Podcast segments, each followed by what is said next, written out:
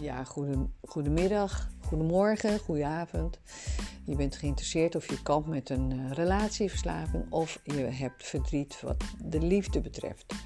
Ja, ik wil je aanraden om uh, de eerste afleveringen over die podcast uh, relaties, het verschil tussen man en vrouw in seksualiteit en de liefde af te luisteren en dan dit stukje. Dit is nog een extra stukje of misschien gaat het je interesseren om er werkelijk wat aan te doen en jezelf op een andere manier te bekijken. Mensen schrikken altijd als, ze, als ik zeg, joh, jij valt in het kader relatieverslaving. Nou, wat is nou relatieverslaving? Daar mag je de andere podcast over uh, afluisteren. Relatieverslaving is een tik, tipje van een sluier is dat je echt geobs geobsedeerd bent door de ander. En dat je dus elke keer weer die nieuwe ervaring met dus diezelfde pijn gaat herbeleven. En dan val je dus op die toxische nou, dan zeg ik meestal die man of die vrouw, die is die whiskyfles. En daar blijf je naartoe grijpen. En het vergt enorm veel uh, werk en heel veel kracht om daar niet naar te grijpen. Maar naar die gezonde juice uh, te gaan uh, grijpen. Hè? De gezonde relatie. Ja, je moet eerst helen om in te kunnen stappen in die gezonde relatie. En het begint eigenlijk altijd van waar kom ik vandaan? Wat heb ik ervaren? Wat is mijn sociale programma en wat is uh, nou, mijn reïncarnatieverleden? Of wat heb ik nou eigenlijk genetisch meegekregen van mijn familie? Hè? Zo kan je dat ook uitleggen. Maar het betekent dus eigenlijk, als je een relatieverslaving hebt, de grootste blokkade waar ik nog altijd tegenaan loop met mensen die ik ook al jaren zeg maar begeleid, is dat ze eigenlijk die fout maken van hé, hey, deze persoon was zo waanzinnig lief tegen mij. Als ik maar anders doe, lees als ik maar harder werk, dan komt deze persoon wel weer in hetzelfde niveau terug. Maar ja, liefde heeft natuurlijk allemaal niveaus. Je hebt natuurlijk heel veel uh, uh, invloeden wat maakt dat de relatie niet meer loopt. Mensen groeien, mensen willen het andere groeien. Mensen hebben misschien een programma van: hé, hey, dat vind ik niet zo leuk wat deze persoon heeft, maar dat kan ik misschien wel veranderen. Nou, dan accepteer je de ander natuurlijk niet onvoorwaardelijk. Dat is eigenlijk een verborgen agenda hebben. Ja, daar hebben mensen als ze starten verborgen agenda. Het zou hetzelfde zijn als ik een roker zou nemen en uh, ik zou eigenlijk denken, wauw, dat krijg ik er wel uit. Nou, dat zou je eigenlijk niet moeten doen. Want je koopt iemand als het ware en uh, iemand moet zelf willen veranderen. Als uh, coaches en therapeuten weten wij als mensen niet willen, dan kunnen we ook niks. Dan moeten we eerst communiceren en werken met het onderbewustzijn om die wil erin te zetten. Want anders dan, ja, dan lukt het ons ook gewoon niet. Ja, het zou natuurlijk hetzelfde zijn als iemand zegt tegen mij van... hé hey Kat, ik wil niet meer dat je wijn drinkt. Dan zeg ik, nou vriend, dat is fijn. Uh, maar ik vind de smaak erg lekker. Uh, hoe kunnen we het oplossen? Is het de alcohol? Uh, nou ja, wat, wat is hetgene wat jij denkt wat voor mij schadelijk is? Dus dan kunnen we daarover praten. Maar in principe moet ik het zelf willen. Dus iemand kan mij overtuigen dat het bijvoorbeeld slecht is. En ik kan de ander overtuigen dat bijvoorbeeld roken slecht is. Of een andere gewoonte. Maar eigenlijk is het zo dat je iemand moet accepteren of mag accepteren hoe die is. Want liefde is onvoorwaardelijk. Hè? Nou, dan hebben we het over dat jij dus eigenlijk denkt, of de ander denkt, of dat je, dat hebben we het over veranderingen. Ja, uh, uh, vrouwen en mannen gaan heel hard werken als de ander bijvoorbeeld weggaat, of de relatie verbreekt, of boos is, of verdrietig is, of ergens emotioneel de ander in de macht heeft. Dan ga je dus eigenlijk uh, heel hard werken om de ander weer in dat soortement van gevoel te krijgen. Dat je samen weer die liefde hebt. Het kan ook zijn dat als de ander weg bij is gegaan, dat jij denkt dat je door 5000 hoepels moet gaan springen om de andere weer terug te krijgen. Vergeet niet dat, ra, vergeet niet dat, dat, dat relaties cirkels zijn. Dat zijn leercirkels. Cirkels. En het universum geeft ons elke keer weer uh, dezelfde uh, hoepel waar we doorheen mogen springen, totdat die hoepel weg wordt gehaald. Nou, hoe kan je dat nou eigenlijk voelen? Hè? Uh, hoe kan je dat nou uh, uh, um, zeg maar interpreteren?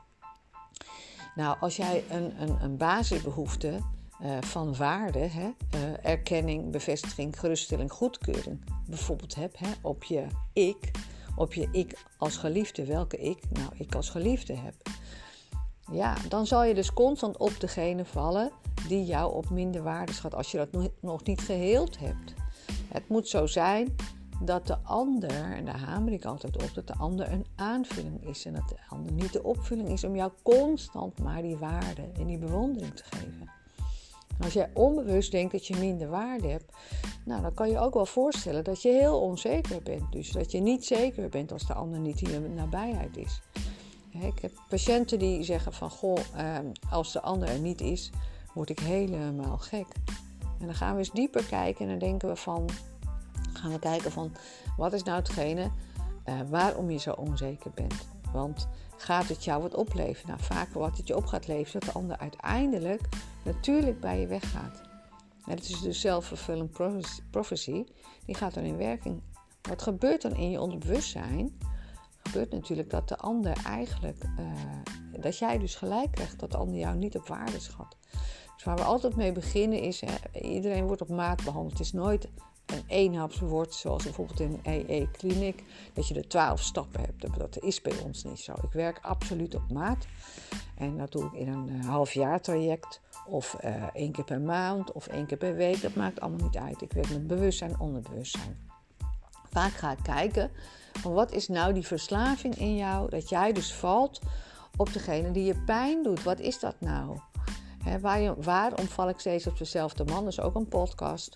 Dat is hetgeen wat je af zou kunnen luisteren in de reeks van relaties.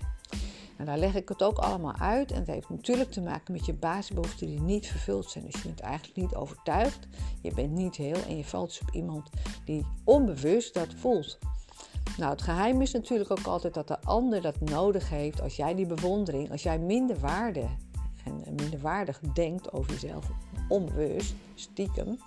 Het, uh, ik heb ook al mensen behandeld die enorm succesvol waren, enorm sterk waren, maar ergens in kindheel een minderwaardig gevoel hadden. Omdat dus bijvoorbeeld de ouders geen tijd hadden. Uh, of op school, of dat de cijfers uh, op school door nou, bijvoorbeeld een dyslexie of een andere problematiek, of dat er een scheiding tussen de ouders emotionele ballast gaf, of noem maar op, ehm, was er een stukje niet vervulde waarde.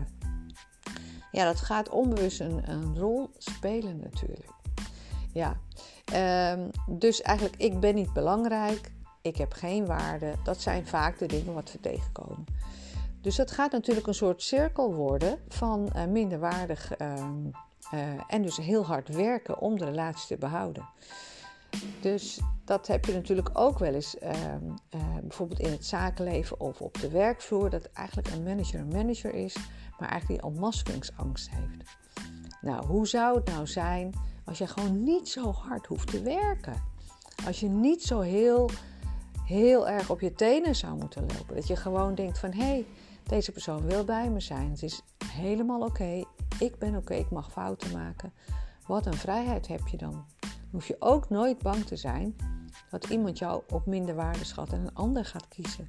Als jij dus elke keer verkrampt, verkrampt bent en de hele tijd iemand in een dwangbuis zet van colby, uh, in your face de hele tijd bent van de ander, ja, dan gaat de ander daar natuurlijk een, een, een heel naar gevoel bij krijgen.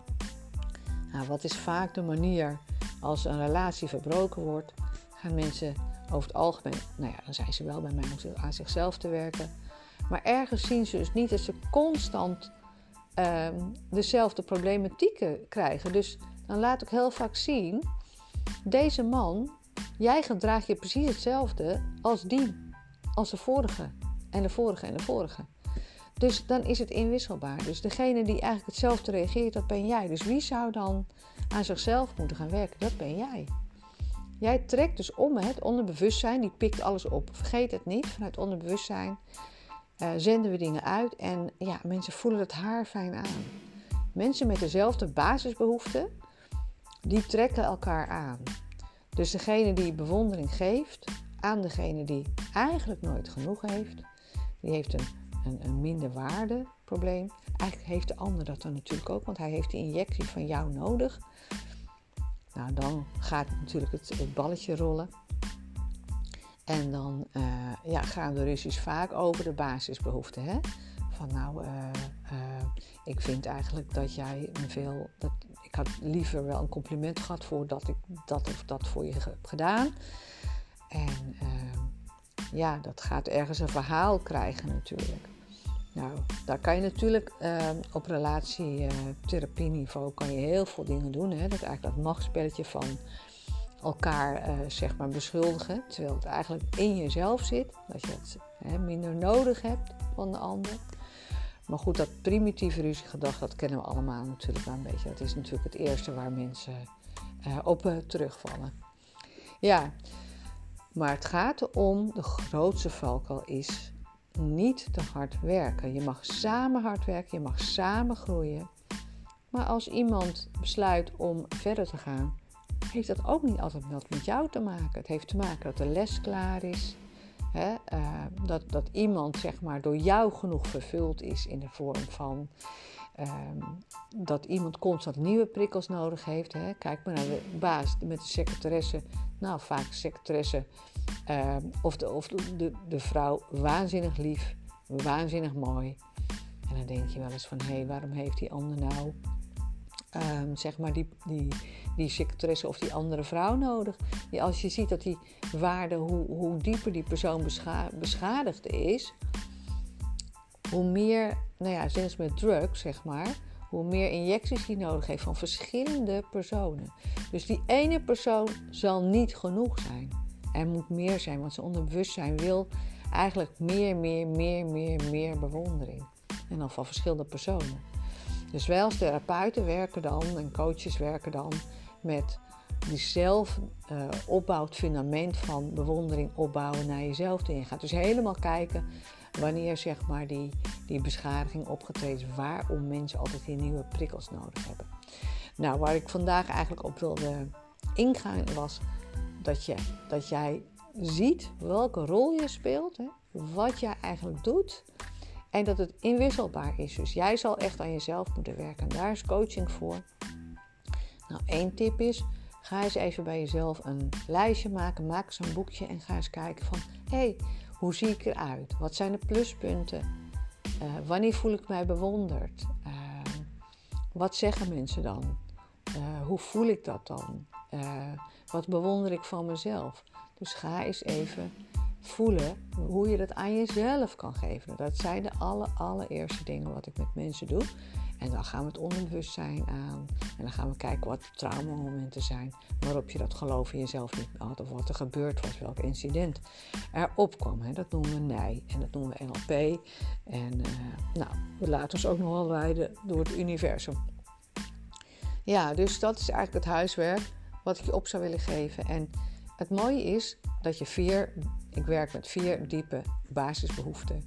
Als je die vier nou goed in de gaten houdt en het kader waarop jij eigenlijk dat nodig hebt, hè, want daar kunnen we ook nog uren over praten. Van de een heeft dat nodig voor de buitenwereld, de een heeft dat nodig in het ik, de een heeft dat nodig voor het spirituele, hè, de aarde, uh, uh, de mensen, de maatschappij, de buurt, anderen. En sommige zijn eigenlijk, het heeft alles te maken met je bewustzijnsniveau. Iedereen komt zeg maar op aarde met een bepaald bewustzijnsniveau. En een bepaald kader waarin jij mag werken. Zo werkt het een beetje. Um, nou, kan ik je iets meer duiden, dan uh, kan je altijd eventjes een, uh, een intakegesprekje aanvragen. En uh, dat, dat, dat is heel verhelderend. Daar kan ik je duiden welke basisbehoeften je hebt. En uh, nou, zorgverzekering vergoedt deels. Dus we kunnen hard met je aan de slag. Om in ieder geval niet zo hard te werken en niet alles bij jezelf neer te leggen. In een vorm van dat je denkt van ik moet hard werken, maar je moet hard aan jezelf werken. dus, dus anders dan leren we niks, dan trekken we altijd maar, want dan, wordt er niks veranderd aan jouw waarde. Dus uh, vanuit het fundament opbouwen zorgt ook ervoor dat jij andere vrouwen en mannen naar je toe trekt. Het willen zien waar jij aan vasthoudt, waar jij los mag laten. Soms is het not meant to be, dan is de les klaar. En dan mag je verder naar een mooie nieuwe les die gewoon beschikbaar is voor jou. dus uh, vasthouden aan iets wat klaar is, dat is ook liefde. loslaten. Loslaten is ook liefde. Nou, namaste en tot de volgende keer.